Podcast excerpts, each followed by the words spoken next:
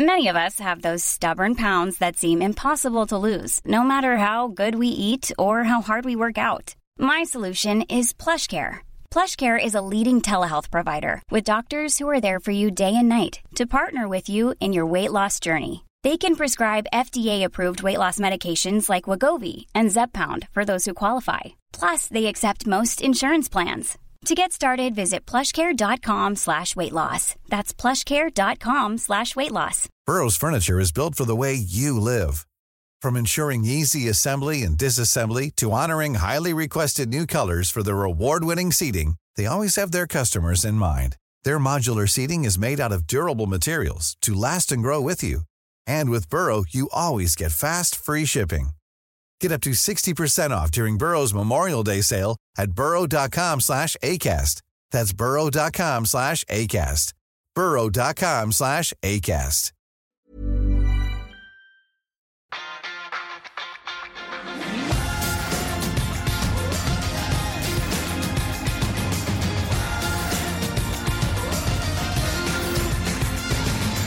Can't believe it. Football, bloody hell. Det mulig?! Fins det noe verre, Fredrik, enn å eh, miste poeng som du har fått smaken på og til og med begynt å fordøye? Svaret er nei, eh, og jeg er så forbanna sjæl. Så det er deilig å høre deg få ut litt frustrasjon her, fordi den tror jeg vi kjenner på alle mann. Eh, vanvittig irriterende. Poengtap. Eh, det skal ikke være mulig, altså. Eh, tenk å bli kontra på å være så åpne eh, når, når vi leder 2-0 og bare har det, de tre poengene så langt ned i lomma som det er mulig å ha, mot et patetisk Tottenham-lag. Ja. Vi hadde jo tatt et poeng her før eh, avspark, sannsynligvis. Mm. Eh, Men det er noe med den følelsen man går inn i pausa med der. United var så komfortable. Eh, Man har det Tottenham-laget på gaffelen, og det blir litt som man hadde håpa på. Eh, Og så bare rakner det fullstendig. Mm. Det, de, første med, de første minuttene der, så tenker jeg at eh, ok, her er det Tottenham som eh, går for full shithousery i dag, og som virkelig er påskrudd. Men den bryteren gikk veldig, veldig fort av, og de falt jo ned med samtlige mann inn på egen 40 meter og bare lot United ta fullstendig kommando. Eh, Ten Hag sa det selv, han visste på en måte ikke Eller han var ikke, han var, han var ikke overbevist over det United viste i noen av omgangene, virka det som. Eh, men som supporter satt jeg hjemme og tenkte at eh, dette var en god førstegang. Mm. Eh, men så er det vanskelig å vurdere Er det fordi Tottenham er så svake, eller fordi United er gode, eller er det blandingen? Sannsynligvis var det en kombinasjon, sånn jeg så det. Men eh, helt utenkelig at det ikke skulle ende med tre poeng, sånn som den første gangen var. Det hjelper ikke når du er litt småpjusk i tillegg. Nei, det, det gjør ikke det, men jeg, jeg hadde mokkabønne ved min side. Uh, for Ikke noe sånn uh, reklame her, altså, men uh, Andreas Holmsen Ringstad, du husker han? Ja. Han som har gjort Fantasy- fantasy-guruen vår. Ja. Han var også blant de skeptiske mokkabønnfolkene der ute. Og så sa jeg at vet du da kjøper jeg en pakke, og hvis ikke du liker det, så vippser jeg deg beløpet tilbake. Og han sendte aldri noe Vipps-krav. Så Ja. tro meg, det er ikke så Selv om det høres ut som jeg er 60 år gammel, så, så er det helt nydelig, altså. Min sånn eh, gamle greie, det er fruktnøtt.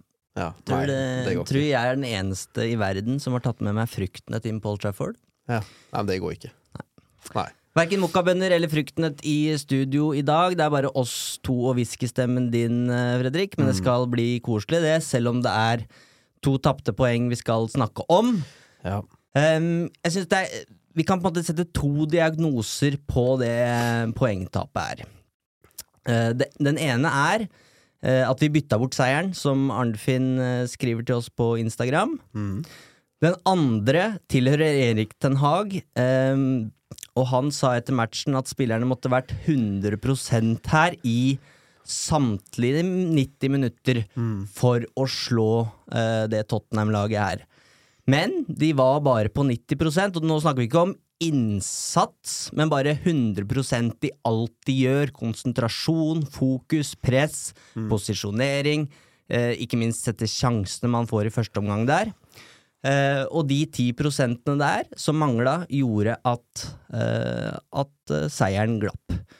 Eh, not acceptable var ordet han brukte, Fredrik. Han brukte den, ja. ja. Jeg sa vel sist han brukte ordene, at han skal være litt forsiktig med å miste troverdigheten sin. Og Eh, den kampen her synes jeg er veldig vanskelig å oppsummere, for den er så rotete på Mm. alle mulige plan. Og vi kan godt begynne med innbyttene og sånne ting. Og jeg ble veldig usikker på Nei, men Ja, Nå har vi sparka opp liksom det som er den tabloide overskriften her. Vi har Mm. allerede brukt Hva skjedde som overskrift på en annen podkast. Mm. Det var Sevilla-matchen. Vi kunne brukt den i dag også. Vi, Mm. vi får finne på noe annet.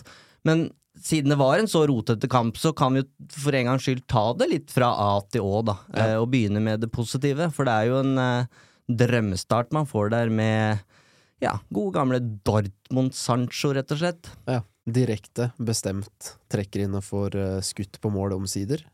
Stort sett går det litt for sakte, litt for ubesluttsomt, så at den går i blokka, eller at det blir en støttepasning i stedet. Så jeg likte veldig godt eh, den prestasjonen fra Sancho der. uh, håper at det skal kickstarte noe fint framover. Eh, så det så jo veldig bra ut fra start, ingen tvil om det. ekstra seigt for Sancho at det ikke ender med en god opplevelse. Man reiser jo fra London der med en, med en kjip følelse i kroppen. Eh, men en klasseskåring. Utvilsomt. Og han, nå fikk han en positiv opplevelse på Wembley sist. Det så på en måte ut som han hadde brukt den til noe også. Mm. Uh, for jeg syns at han har på en måte ingen grunn til å strutte av selvtillit utpå der, uh, men uh, har virket bestemt fra start, og jeg syns jo at selv om han slukner etter hvert, så syns jeg at han så positiv ut i ganske store perioder. Og er jo svært nære ved å ha scora to ganger før det er spilt 20. Blir eh, først blokkert, og så redning på strek der. Så United også vanvittig Den sjansesløsingen bare fortsetter, selv om det er vanskelig å på en måte bebreide Sancho for den. Mm. Eh, men det er bare Det også bare belyser utfordringen United har, og hvorfor det også var så vanvittig frustrerende at det endte med ett poeng i går. Og så kommer 2-0 eh, rett før pause. Det er en Mm. litt sånn rar Rashford-scoring, egentlig. Jeg Mm. syns i hvert fall det var snodig å se hvor mye rom Rashford plutselig hadde. Også det var én eh, veldig god pasning fra roboten Bruno Fernandes, Mm. eh, og plutselig så var Rashford én mot én mot Dyer. Ja. Ett rykk, og bang. Rått parti, og øh, veldig god prestasjon av Rashford. Og så er det ikke til å unngå for min del å legge merke til at Frazier Forster prøver jo å gjemme seg litt fra den kula. Den har han ikke lyst til å redde, ser det som. Men en vanvittig god prestasjon av Rashford. Og vanligvis så ønsker han å legge den over på høyrefoten og køle den i lengst, kanskje. Eh, Og det er vel det Dyer også håper på. Men så fort Rashford setter inn rykket der, så er han sjanseløs. Så veldig god prestasjon. Jeg tipper det er mange Tottenham-supportere som peker litt på på eh, Forster i dag. Eh, Det virker i hvert fall som at United etter hvert skjønte at her er det bare å fyre løs.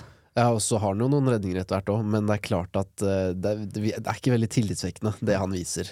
Og jeg syns også det frisparket til Rashford, som er i keeperhjørnet Han later som han har kontroll, jeg er ikke helt sikker på om han faktisk har det. For den er jo det er ikke, den er ikke veldig langt utafor stolpen, så veldig lite tillitvekkende keeperspill der. Og igjen, veldig frustrerende at da ikke klarer å putte mer enn to baller i nettet bak han.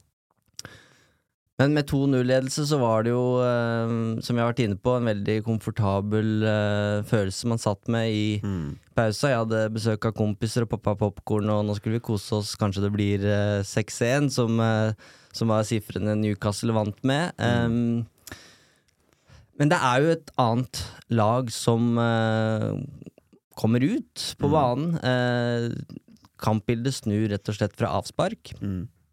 Og eh, etter hvert så får Tottenham det målet de trengte for å få blod på tann. Det er jo litt kaos, eh, og Poro som banker eh, ballen i mål på direkten der. Ja, og sprø situasjon egentlig med Richarlison der vel, som står på streken her. Eh, og jeg klarer ikke å unngå å tenke at det vil, det vil si å tenke i ettertid at hvis De Gea går for det, å prøve å redde skuddet, og Richardson da er i veien, så er det umulig å ikke blåse offside på den. Eh, så det er en ganske snodig situasjon, egentlig. For han, han ville jo blitt hindra hvis han hadde gått etter den, men han blir jo stående som en tilskuer å se på. Eh, vanvittig god avslutning, så man får jo veldig fint treff på den, men De Gea står og ser på. Og jeg vet ikke åssen du vurderer den, jeg. Jeg la mest merke til bekkene i ettertid, vel å merke. Ikke der og da, for da opplevde det som en sånn kaosskåring som måtte bare Mm. Det måtte bare komme på et tidspunkt. Men når Ten Hag snakker om de ti prosentene, så syns jeg du kan se det litt i presset på, på Van Bissaka. Det er ganske svak i, i presset på han som legger inn der. Og så ender jo på en måte ballen opp på kroppen til Dalot på et vis. Den bare treffer Dalot, og så, og så gjør det at Kane kan skyte. ballen blir blokkert, og så ender han opp hos Porro. Men hos begge bekkene der så savner du liksom litt mer besluttsomhet, litt mer intensjon.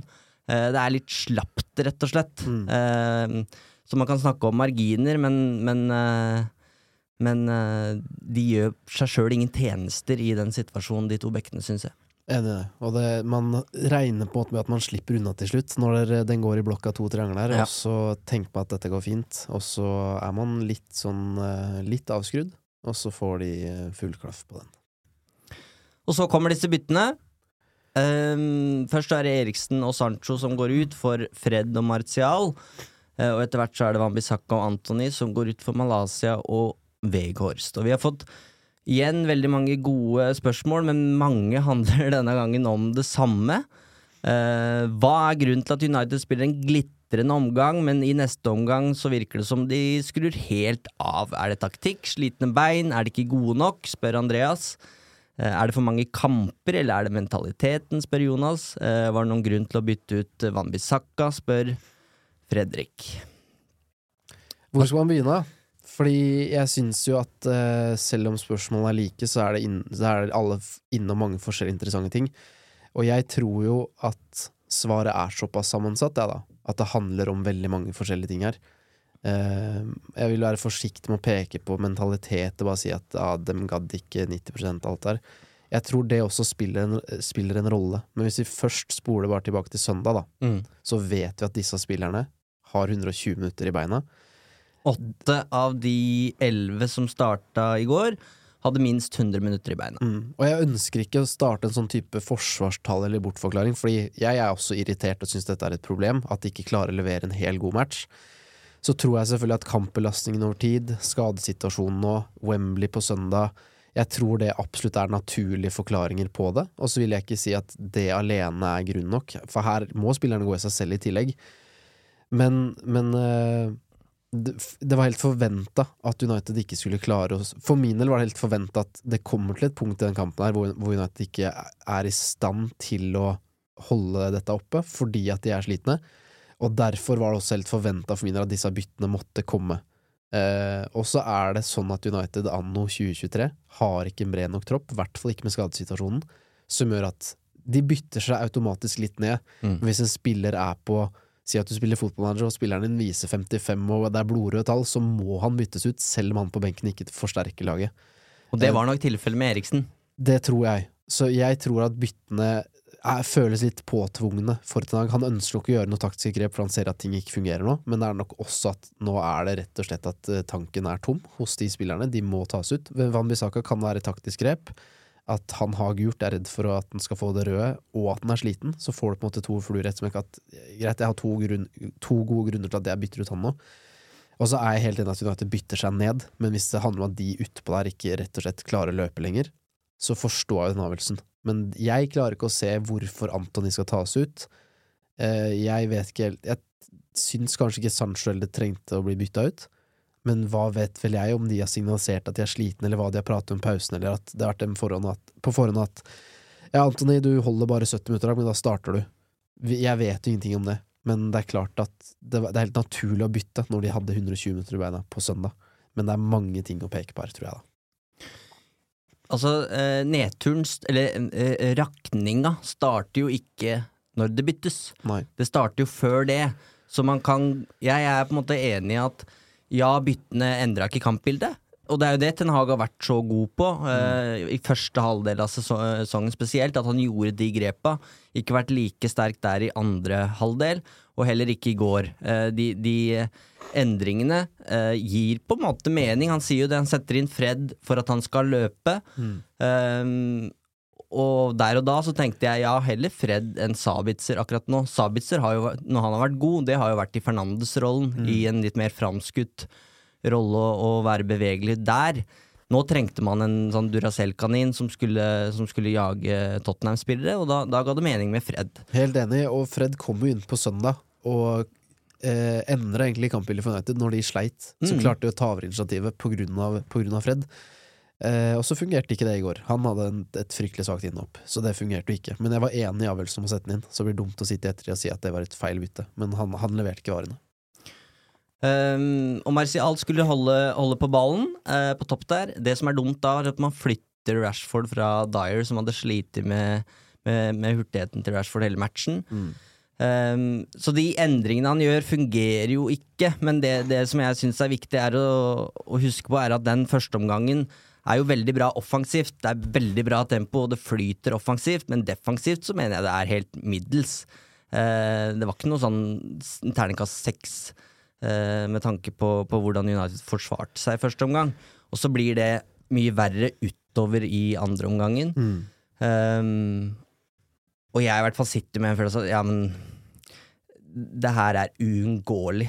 Det her kommer til å bli 2-2, fordi United var så løse i, i fisken at det, det måtte bare skje.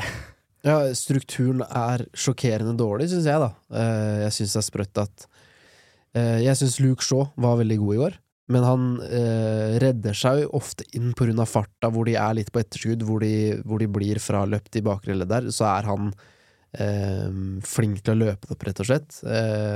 Eh, så jeg syns strukturen er for dårlig. Jeg syns det var åpent bak der. Mm. Tottenham kom til ganske mange småskumle muligheter i løpet av første gangen nå, selv om de var veldig tafatte.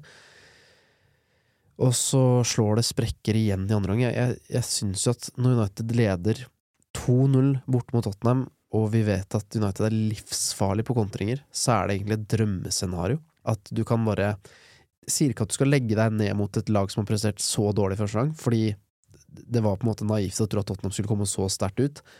Men Tottenham var primært bare bedre til å krige og løpe. Eh, Det var ikke sånn at Tottenham spilte en fantastisk andreomgang. De var bare påskrudd og gikk virkelig for det. Så jeg er så skuffa over at ikke United er smartere taktisk, at de har en mer sånn Vi går for 3-0 på vår måte uten å hive alle mann angrep og bli kontra på, for den, den 2-2-skåringa er sjokkerende. At Mm. United løper da med, med ansiktet mot eget mål og, og blir kontra på, nærmest. Jeg syns det er helt ufattelig. Ja, og der, eh, Det eneste byttet jeg reagerte på i matchen da det skjedde, det var Malaysia. Ja.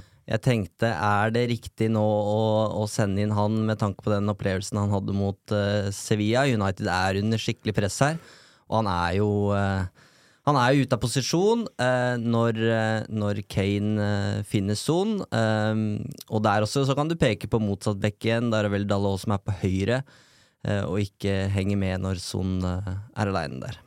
Jeg syns den er vanskelig, fordi det er vel et langt oppspill som United taper. Fra hvem? Fredrik fra- Wiltvedt.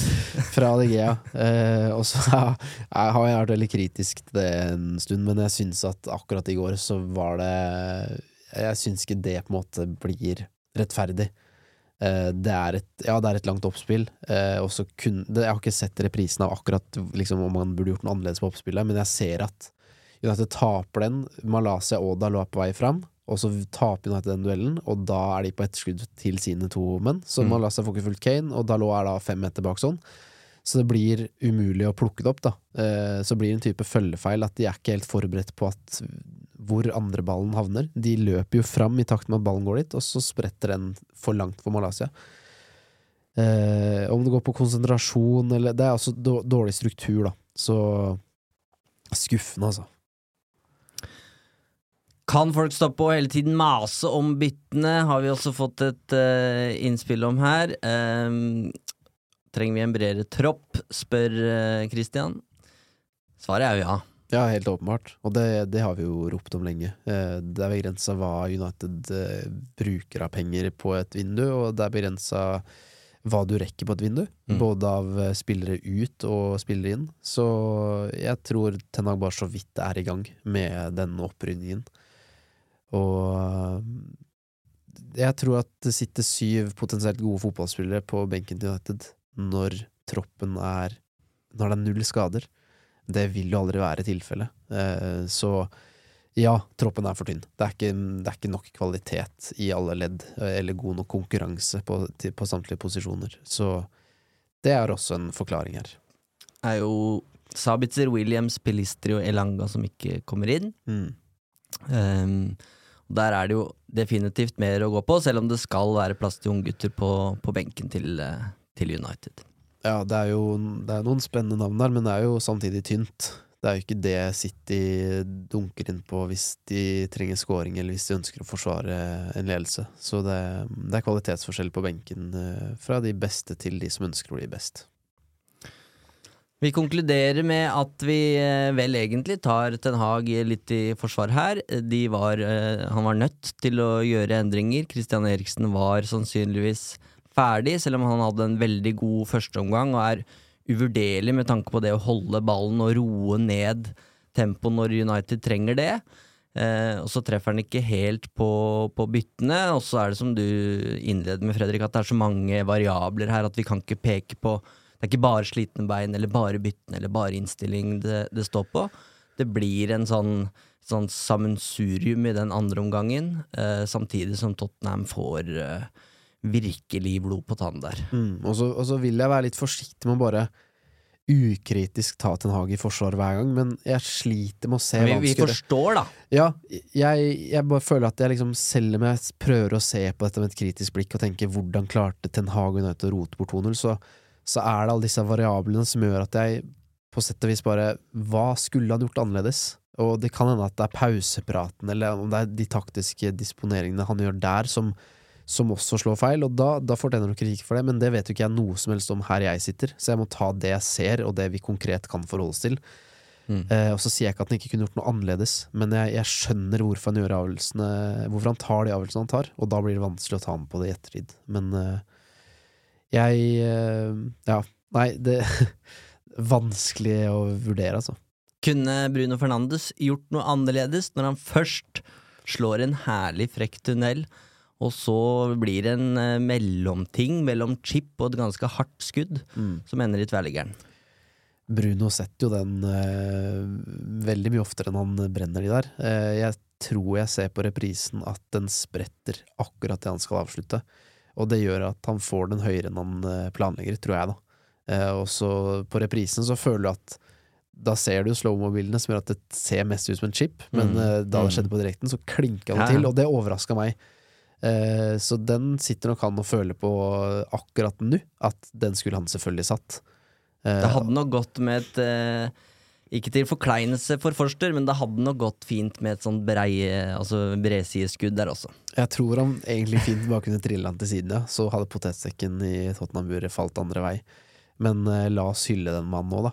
Han er jo Du brukte ordet robot i stad, og det er Jeg har ikke sjekka statistikken selv, men stemmer det at han aldri har gått glipp av en kamp pga. skade før? Jeg turte ikke å gå god for sporting-tida, men eh, ryktene på sosiale medier sier at han aldri har mista en, en eh, kamp til skade. Mm. Eh, han har vært uh, forkjøla en gang, og det har vært noe koronagreier.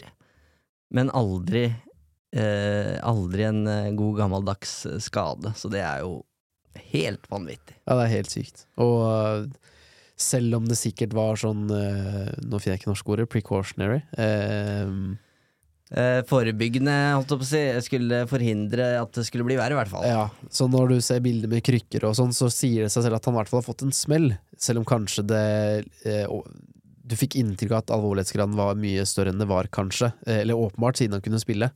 Men da sier det selv at da har du vondt hvis du må bruke krykker for å avlaste foten. Men kan, vi, Eh, kan vi leke litt konspirasjonsteoretikere her? ja. Veldig gjerne. Fordi um, Bruno Fernandes har nå vært United-stjerne i, uh, i noen år. Ehm, og så vidt jeg veit, så har kona vært med hele veien. Hun veit godt uh, hvilket mediesirkus som eh, stormer rundt Bruno på godt og vondt. Så når hun legger ut en uh, tilsynelatende uskyldig Instagram-post av mannen som sitter og spiser en yoghurt, eller hva det er, mm, avbilda da med noe sånn polstring på høyrefoten, og så står både krykker og beskyttelsesstøvel litt sånn taktisk plassert inntil sofaen. For meg det, det, det er neppe tilfeldig. Men uh, det er veldig gøy at du sier det, Fordi for min del hadde dette gått i glemmeboka. Men jeg tenkte på dette før jeg gikk og la meg, at dette må vi prate med Eivind. Fordi Mind Games er tilbake i Mhm. Manchester United for fullt. Og jeg har et annet eh, konkret eksempel, og kanskje til og med to. Eh, men jeg tenkte også på det, at dette, eh, dette bildet hadde blitt sletta hvis eh, det på en måte var en lekkasje som ikke skulle ut der, tror jeg, da. At dette er Dette er rett og slett Kanskje Bruno svarer ta et bilde av meg nå, og så Mm. tror Tottenham at de ikke skal møte meg, og så videre og så videre. Og Rashford, som fikk en smell før ligacupfinalen mot Newcastle, eh, legger også ut dette bildet av seg selv med en sånn der eh, mann med bandasje rundt hodet-emoji på Instagram. Uh, og så spurte jeg en som uh, er veldig tett på Marcus Rashford. Blir han klar til søndag, eller hva skjer? Hva, snakker du om, sier han. Nei, han la ut bilde av at han er skada på Instagram. Nei, nei, nei, nei. Han er ikke mye skada. Jeg var med han senest i stad. Mind Games er tilbake. Emoji-krigen på sosiale medier. Ja. Så Så eh, det var også Mind Games visstnok, og United-fans var livredde for at Rashford skulle gå glipp av Newcastle-kampen der. Og eh, skal jeg ta den Rooney-historien i samme slengen, eller? Jeg sitter og lurer på om, om du skal ta den, eller om vi skal spare den til en spesial. Men la oss eh, bare gi de lytterne som nå orker å, å høre at vi går gjennom den matchen her, uh, gi, gi dem den gullåta der. De skal den få den. De skal få den Fordi uh, ja, Vi sier jo at Mind Games er tilbake i Manchester United, og det er fordi at uh, Sir Alex Ferguson var en mester på dette. Og var det én ting som virkelig illustrerer hvilken mester Sir Alex Ferguson var, så er det jo akkurat denne historien her. Hvor United møter Bayern München i et dobbeltoppgjør i Champions League. Um, jeg tror Rooney går av med skade. Dette er hans beste sesong. Det er 11-12. Han er helt uunnværlig for dette United-laget. Skårer 34 mål i alle turneringer den Mm. sesongen. Ja. Og så går han av med skade i München. Eh, og han har vel beskyttelsesstøvel når han forlater eh, kampen. Jeg husker fortsatt følelsen jeg, jeg satt med da. Nå, nå ryker det. Dette går ikke. Det går ikke. Og eh, Ferguson Jeg skal ikke ta For jeg har ikke detaljene og kontroll på når ting skjer her, men jeg veit i at til og med Bayern München har eh, en pressemelding på sin side om at, United, om at Rooney går glipp av returoppgjøret pga. skaden. For dette har Ferguson sagt på en pressekonferanse. Og så eh, er det vel en uke etter da, det er returoppgjør, kanskje til og med to, hvor eh, han er avskrevet i kamp. Han skal ikke spille den kampen. Og så i kulissene så vet United at Wayne Rooney er frisk nok til å spille. Eh, men eh, på den tiden også så var det så at spillerne møttes på eh, The Lowry Hotel. Og der er jo fotografene. Så sørg for at Rooney ikke blir avbilda der, fikk en ansatt United veldig klar beskjed om. Og United-spillerne, eller fotografene, sier at ingen Rooney her. Rooney går glipp av kampen. Nå er det bekrefta. Han er ikke på hotellet. Og så, når United-spillerne da skal ankomme Old Trafford, så skal Rooney komme med de. Men hvordan skal de da lure eh, Bayern til å fortsatt tro at Rooney ikke skal spille? Så han ene i United han får en telefon. Eh, du skal ankomme stadion sammen med Rooney. Han trenger krykker, og han trenger denne beskyttelsesstøvelen. Og du skal gå sammen eh, inn med han etter at vi ankommet. Så Rooney blir da avbilda inn på Old Trafford med krykker og beskyttelsesøvel. Skal sitte på tribunen. skal sitte på tribunen, og en halvtime senere eller en time senere så er Wayne Rooney i startoppstillingen til Manchester United. Og så hører dessverre med til historien at han forsvinner vel ut med skade veldig tidlig Du skulle stoppa der. Du må ikke ødelegge en god okay. historie. Vent, jeg tar, en, jeg tar en pause. Så starter Rooney for United mot Bayern. Og spillerne får jo vite det ganske seint. De vet heller ikke om det. Eh, så for en boost for de, og ikke minst for en boost for de som var Paul Trafford og ser navnet til Wayne Rooney i lagoppstillingen. Ja. Moralen er jo mer medisinsk utstyr, jo bedre. Mm. Eh, og bare så det er sagt, vi hyller det. Vi hyller det, og vi, da fortsetter vi Vent, da. Ta jingeren din, du. Nei, nå skal jeg forberede fingerspillet her, men okay, eh, avslutt. Nei, vi, jeg syns ikke vi kom langt nok i hyllesten av, av Bruno. Fordi det er For en maskin og for en spiller, og ja, det er irriterende at han ikke satt den sjansen sin, men han er jo Han er så instrumental for det laget der, og ja, selv om det var Mind Games, så hadde han sikkert vondt. Han blei jo bytta ut mot Brighton, vi må ikke glemme det. Så det er ikke bare Mind Games her. Det var nok mest for å få de til å tro at han ikke skulle stille. Bare for en spiller. Det er, det er sikkert kjedelig for oss å bruke det ordet, men han er hjertet til dette Mm. United-laget. Det, det kan ikke få, vi kan ikke få sagt det ofte nok. Både mentalt og kreativt. Um, nå kjører vi en jingle. Episodens eneste jingle. Uh, hva vil du ha? Uh, jeg trenger å bli sånn litt lysere i sinnet her. Gi meg en Patrice Evra, du. I love this game! Vi tenker ofte at de episodene som vi eh, gjør eh, etter de midtukekampene her, ofte skal være litt tighte. Nå har vi allerede holdt på i en halvtime, Fredrik. Um, men det blir jo ofte mye å snakke om, uh, og vi ønsker å dekke det som dekkes må. Uh, og siste punkt på agendaen her, før vi skal runde av etter hvert og se mot, uh, mot Aston Villa på mandag, det er jo Champions League. For nå er det en viss bekymring der ute for at det er et Liverpool-tog som, som, kommer bakfra og kan ta 18 av 18 poeng. Hvis alt klaffer, vel å merke. situasjonen er som følger. United har seks poeng ned til Tottenham. Eh, og Aston Villa, eh, det kan bli til tolv, fordi de har to kamper til gode. Det er sju poeng ned til Liverpool, det kan bli til ti, fordi de har én kamp til gode. Eh, og så har de elleve poeng ned til Brighton. Det kan bli til åtte fordi Brighton har én kamp mindre. Mm. vi trenger tolv poeng på de siste sju for å klare topp fire. Hvor skal vi hente disse poengene, spør Arild. Tenk å stille meg et spørsmål om, eh, som at jeg skal ha terminlista i huet. Nei, men jeg har den her, jeg. Den her, ja. Aston Villa hjemme på mandag. Brighton borte. Westham borte. Wolverhampton hjemme. Bournemouth borte. Chelsea hjemme. Og Fulham hjemme. Ja. Eh, tøft og overkommelig. Er det Jeg er ikke bekymra i det hele tatt. Nei, du er der, du, ja. Men jeg Fordi har jo jeg... innkassert det her for lenge siden. Ja. Men når jeg ser på den lista her. Uh, jeg tror det er noe med følelsen man sitter igjen med etter det poengtapet, som gjør at du føler at åh, nå rakner alt. Men Ten Hag sa det, han hadde tatt ett poeng før den matchen her. Det viktigste var at ikke Tottenham uh, altså, tok inn på, på, United, og det gjorde det ikke. Det var Tottenham som måtte vinne den Champions League-playoffen her. Mm. Um, og så snakker man mye om den bortestatistikken. De har altså vunnet én av ti bortekamper mot lag som på det tidspunktet var i topp tolv. Mm. Det er elendig. Men de har én sånn match igjen, og det er mot Brighton. Um, resten av matchene er mot, som du sier, overkommelig motstand. Og jeg mener, hvis de nå klarer å mobilisere og holde gjennom 90 minutter på mandag mot Aston Villa, tre poeng der, så kan man tillate seg å avgi poeng i den vriene bortkampen mot Brighton og fortsatt klare det her med god margin. Det er jeg helt sikker på. Ja, jeg hører du sier det, Eivind. Eh, og jeg, det er klart at United uh, har jo satt seg selv i en veldig god posisjon, med kamper til gode og mange poengs forsprang. Men eh, jeg tar på ingen måte for gitt at United slår Aston Villa. det er en beintøff kamp mot en veldig god motstander. Jeg tror Emry-tabellen viser at de er det nest beste laget i Premier League etter at han tok over. Eh, korrekt meg hvis jeg tar feil. Men eh, Så det, det, er en kjempevanskelig oppgave for et United-lag som ikke akkurat imponerer om dagen.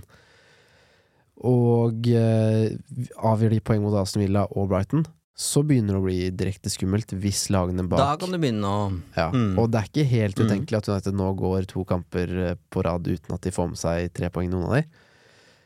Eh, eller altså de to neste. Så jeg er ikke Jeg skulle, jeg, jeg skulle, gjerne vært like optimist som deg. Jeg tror det ordner seg, men eh, jeg syns det ser småskummelt ut. Og så må jo lagene bak også selvfølgelig vinne sine kamper. Men uh, jeg er nærmere ikke sikker, mest basert på hvordan United presterer om dagen, og hvor slitne bein og hvor mange skader man nå etter hvert har. Det er det som gjør at jeg er eh, skeptisk. Ikke skeptisk, men litt redd. Ja. Jeg tror Villa kan, kan være tøffere enn Brighton akkurat nå.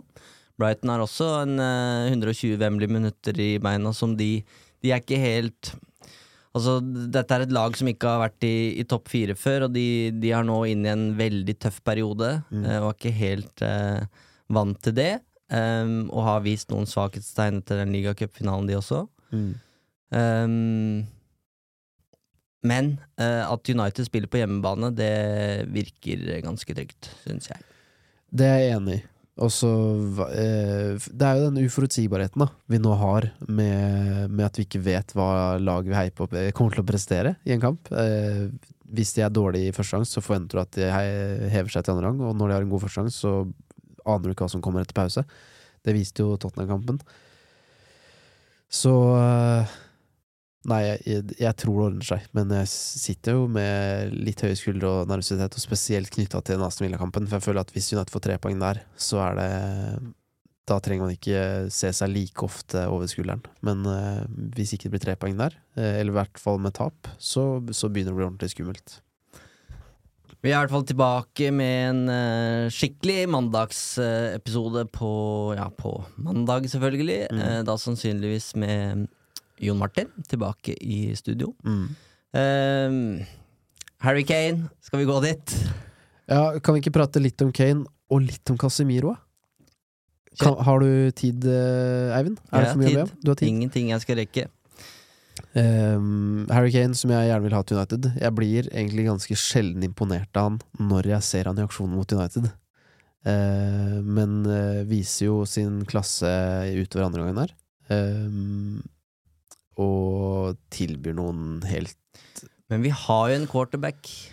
i Bruno Fernandes. Mm. Eh, Det er jo da han Men- blir god, når han trekker seg ned i den matchen og gjør det vrient for United. Ok, Mm. hvem dekker eh, Harry Kane nå? mm, Uh, og to målgivende, så altså han, han Eller i hvert fall fantasy-målgivende på den Mm. første der, men mm. involverte begge scoringene. eh, men for meg så er dette litt sånn Harry Kane 3-0, kanskje. Altså, og det er ikke helt den spissen jeg ønsker meg til Manchester United i sommer. Nei, hadde United vært en uh, situasjon hvor de bare kunne hive ut mange hundre millioner på et uh, stort talent, som kanskje blir uh, den neste et eller annet, så hadde det vært det beste. Eh, det er jeg helt enig i, men jeg syns ikke United er en situasjon. De er nødt til å hente noe som er proven akkurat nå. Og da er Kane høyt på min liste, og så hører jeg folk sier dette med Bruno, og jeg skjønner faktisk skepsisen, men jeg tror jo at eh, Snu litt på det, da. I stedet for at man skal tenke at eh, Kane, som dropper fryktelig dypt eh, veldig ofte, eh, blir et problem, og at Bruno og Harry Kane potensielt skal drive og slå hverandre i hjel, så kan jeg heller tenke at Ten Hag eh, forteller Kane at du, du skal være enda nærmere målet i United, så skal vi servere deg, istedenfor at du skal drive og holde på med dette. Fordi å ha Kane så nærme målet som mulig er jo enda flere mål, selv om han er veldig glad i å droppe dypt og har de kvalitetene. Er han, han er jo en allround veldig god fotballspiller. Så jeg er ikke kjempebekymra, selv om jeg ser for meg at eh, jo da, det kan bli litt innkjøringsproblem, at de løper litt veien for hverandre, og at de må justere det underveis. Men eh, det er vanskelig ikke eh, For min del, i hvert fall med tanke på at han kommer til å levere mål og målpoeng. Og vi har snakka om den van Persie-sesongen. Jeg tror det er den effekten det potensielt kan få, og så er jeg usikker på hvor lenge det kan vare. Og Mm. det, det fører meg videre til eh, Casemiro. Ja, jeg skal ikke gi deg noe motstand på Kane akkurat i dag, men jeg merker meg jo at uh, Nemanja Vidic er enig med meg. Mm. Eh, men eh, Manchester Evening News meldte jo tidligere i uka at eh, Ten Hag er desperat etter å signere Ten Hag, og Kane, ja. Kane. Han skal Mm. ikke signere seg sjøl, og blei jo sikkert um, imponert over det han så i går uh, også. Ehm, men Manchester United er ikke villig til å gå inn i um, inn, Eller la seg lure inn i spillet med, med Daniel Levy i sommer. Så de har andre navn på blokka, uh, som Ossimen, Muani, Høylund, Ramos og Kudus. Og jeg er helt enig, det er ikke, dette er ikke Kane. Vi snakker ikke Kane-kvalitet. Du kan ikke forvente samme stabilitet fra dag én fra de navna der. Men jeg tillater meg å avslutte med at jeg syns det, jeg syns det er mer spennende. Mer spennende, ja, men veldig mye mer usikkert òg. Eh, har vi nå fått et glimt av den Casemiro som Real Madrid lot gå uten for mye motstand i fjor, spør Eirik. Jeg skjønner bekymringen, og så synes jeg at det ville være litt for drastisk å begynne å konkludere eller spekulere i det allerede, egentlig. Men jeg, jeg syns at det han har prestert etter den kontoaket, har vært skrekkelig. Eh, det virker litt som at det har skjedd noe med han. Eh, han er ikke like tøff, han er ikke like på. Eh, er det disse røde kortene som gjør at han har bare Denne ligaen eh, Her kan ikke jeg trøkke til å være den jeg er. Har det, har det kommet en mental sånn sperre og litt usikkerhet inn i han? Han er ikke den første søramerikaneren som blir Som ja, rett og slett eh, ikke går overens med Premier League. Nei, på ingen måte. Vi har, vi har hatt noen av de. Uh, jeg, uh, men jeg tror jo også at han bare er en som trenger litt kamper for å komme i gang. Fordi vi har sett hvilket nivå han kan prestere på for bare kort tid siden, og hvor viktig han har vært for dette United-laget. Og da er det også så synlig når han ikke fungerer eller presterer på nivået vi vet han kan. Så det blir, det blir litt rart at hvis bare skal etter fire-fem middels minus kamper, så ja, shit, Real Madrid lurte oss, vi skulle aldri kjøpt han, nå er for gammel og må erstattes. Jeg er også usikker på hvor lenge vi får nyte de beste kvalitetene hans, fordi at han har hatt den karrieren han har hatt, og eh, er, i den, al- er i den alderen han er. Mm. Men jeg tror, jeg tror at, at, Jeg tror at dette kommer til å gå seg til. Eh, men jeg er også litt bekymra, det må jeg kunne si.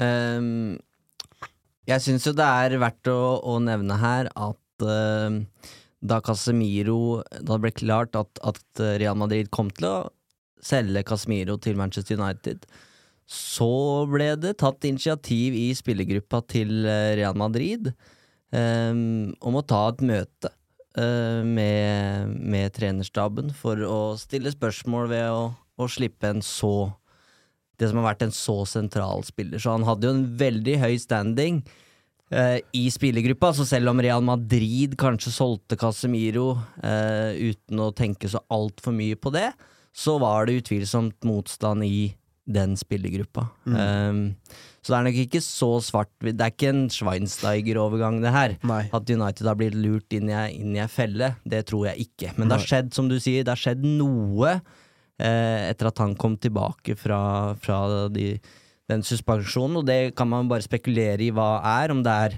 eh, mentalt, som du er inne på, at det er en en, en mental blokkering der på et eller annet vis, at det, er, det har skapt så mye frustrasjon. eh, at, at eh, det påvirker spillet hans, eller det kan være noe så enkelt som at han har mista den flyten du trenger for å, for å spille gode matcher uke inn og uke ut. Ja, det skal være lov å ha en formdupp. Ehm, og så er det litt ulogisk med Casemiro, med at du tenker at ja, det er naturlig at du etter så og så mange kamper ute med karantene, at du treng, har litt eh, innkjøringstrøbbel. Det er naturlig, men kanskje ikke så langt eh, At han ikke skulle trenge så lang tid som han nå har fått. Og så kan du heller ikke si at han har slitne og trøtte bein, Fordi han har jo fått hvilt. Så det, det, det er litt vanskelig å på en måte finne ut av helt av hva som skjer her. Så jeg, jeg liker egentlig den teorien om at det er noe mentalt der i tillegg. Mm. Bare at det er en sånn Du så hvor himla tungt han tok det røde kortet han fikk, og det var ikke bare fordi at 'å nei, nå er det fire nye kamper'. Det var bare den derre urettferdigheten jeg tror han liksom har følt på ved to anledninger nå, hvor han eh, først mot Palace og så mot eh, Hjelp meg. Ja, først Southampton. Southampton, ja, så han fikk jo de to, som eh, han åpenbart tok tungt. Eh, vi skal ikke avskrive Casemiro, fordi han har noen svake kamper, men eh, jeg også har veldig lyst til å sende tilbake til sitt gode gamle jeg, før jeg også blir eh, ordentlig bekymra. Nå nærmer vi oss tre kvarter, eh, Filtvedt. Det får kanskje holde, det. Har du noe mer på hjertet før vi runder av? Prøv eh, mokkabønner i helgen, da. Og så Ja. eh, nei, Dere får ikke lov å sende Vipps-krav til meg, men jeg tror at dere får en eh, trivelig opplevelse likevel. Ta bilder, send til Instagram-kontoen vår, og del hva dere syns om mokkabønner. Hvis ikke de faller i smak, kjøp fruktnøtt. Ja, Hvis ikke det, så en sånn skyr med kaffe og vanilje. Den er klink. Og hvis noen var usikre på det du sa om sponsing i begynnelsen her, som er jo ikke noe mer uh, overbevist nå. Uh, blir det noe mer snø på Østlandet før uh, sommeren kommer, spør Kim. Vet du hva, Der kan du aldri føle deg trygg. Um, hadde vanvittig snøfall nå tidligere i uka, um, men nå Nå tror jeg vi kan slippe skuldra ned, Kim. Nå kommer det ikke mer snø. Kos dere med sjokolade i sola i helga, så snakkes vi på mandag.